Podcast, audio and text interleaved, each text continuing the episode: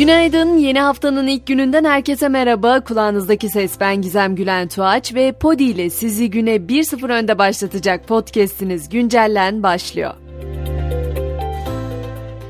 Yurt dışında yaşayan seçmenler Cumhurbaşkanlığı seçiminin ikinci turu için bir kez daha sandık başında ve oy verme işleminin ikinci gününde de seçmenlerin yoğun ilgisi sürdü. Yüksek Seçim Kurulu yurt dışında ikinci tur için oy kullanan seçmen sayısının 1 milyon 38 bin olduğunu açıkladı. Bu arada Ata İttifakı Cumhurbaşkanı Erdoğan'ı mı yoksa Millet İttifakı'nın adayı Kemal Kılıçdaroğlu'nu mu destekleyecek? Ankara kulislerinde merak edilen bu sorunun yanıtı kimi destekleyeceğimizi pazartesi açıklayacağım diyen Sinan Oğan'ın bugün saat 17'de yapacağı basın toplantısıyla belli olacak. Ancak Ata İttifakı yapılan açıklamayla resmen sonlandırılmış gibi duruyor. Zira Adalet Partisi Genel Başkanı Vecdet Öz, Ata İttifakı resmen sona ermiştir. Ümit Özdağ'ın alacağı karara saygı duyarım. Sinan Oğan da dilediği şekilde hareket edebilir dedi. Özdağ ise Zafer Partisi olarak bizim bir açıklamamız olmayacak ifadesini kullandı. Sosyal medyada tartışma yaratan oy verme görüntülerine ilişkinse tutanak tutulduğu açıklandı. Suudi Arabistan'ın Cidde Başkonsolosluğunda Türkiye Cumhuriyeti vatandaşı Filistinli Layla El Haddad adlı seçmenin yerine Türk vatandaşı olmayan kızı oy kullandı. Olayın tespit edilmesinin ardından tutanak tutuldu. Tutanaklardan söz etmişken hemen bir yargı koridorlarına da uğrayalım. Memleket Partisi lideri Muharrem İnce'nin sosyal medya hesabındaki iddialar üzerine resen başlatılan soruşturma kapsamında Ankara Kuşu adlı Twitter hesabının kullanıcısı Oktay Yaşar gözaltına alınmıştı. Yaşar için tutuklama kararı verildi.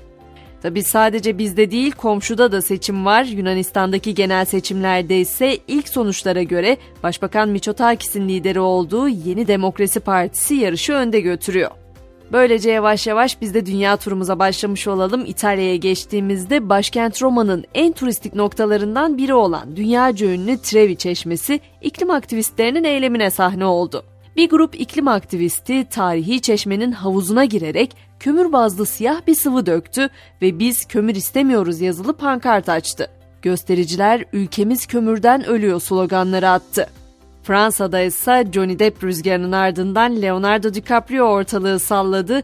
Ünlü yönetmen Martin Scorsese'nin uzun zamandır üstünde çalıştığı, Leonardo DiCaprio'nun başrolde yer aldığı western suç dramı Killers of the Flower Moon, Fransa'da düzenlenen Cannes Film Festivali'nde ilk kez gösterildi. Festivalin en çok merak edilen filmlerinden olan yapım 9 dakika boyunca ayakta alkışlandı.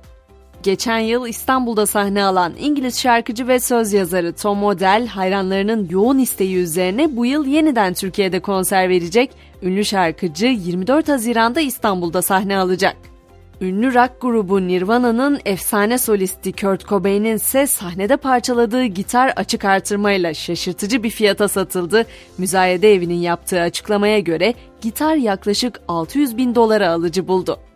Son durağımızsa uzay olacak. NASA dünyanın ilk yılan robotunu tasarladı. Robot adeta yılan gibi sürünerek yapacağı yolculukta bir uzay aracı olarak kullanılacak ve Satürn'ün uydusuna gönderilecek. Gökbilimcilere göre bu tasarım diğer robotik cihazların ulaşamadığı bölgelere giderek yeni keşifler bile yapabilir. Hemen spor notlarımı da ekliyorum. Süper Lig'in 35. haftasında Beşiktaş deplasmanda Adana Demirspor'u 4-1 mağlup etti. Siyah beyazlı takımın bu maçla birlikte galibiyet serisi 6 maça çıktı.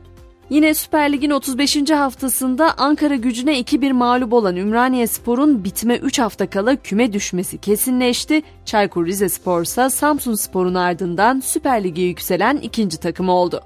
Basketbolda ise Avrupa Ligi şampiyonu Real Madrid oldu. Yunanistan'ın Olympiakos takımını 79-78 yenen İspanya temsilcisi 11. kez kupayı müzesine götürdü. Ve güncellenin sonunda bugün anlatsam tesiri yok, sussam gönül razı değil diyebileceğim bir habere yer vermek istiyorum. Zonguldak'ta bir kişi birlikte olduğu kadının 2 yaşındaki kız çocuğuna cinsel istismarda bulundu. Suçunu itiraf eden zanlı tutuklandı ancak hastanede tedavi gören çocuk tüm müdahalelere rağmen kurtarılamadı. Her güncellenin sonunda bir motto bırakıyorum buraya. Bugünkü Yakup Kadri Karaosmanoğlu'ndan geliyor. Her akşamüstü sanıyorum ki artık dünyanın sonu gelmiştir. Üzerinde yaşadığım bu toprak ya içindeki gizli dertle şişip çatlayacak ya da bir dehşetli gürültüyle yerin dibine doğru çöküp gidecektir. Akşam 18'de tekrar görüşünceye kadar şimdilik hoşçakalın.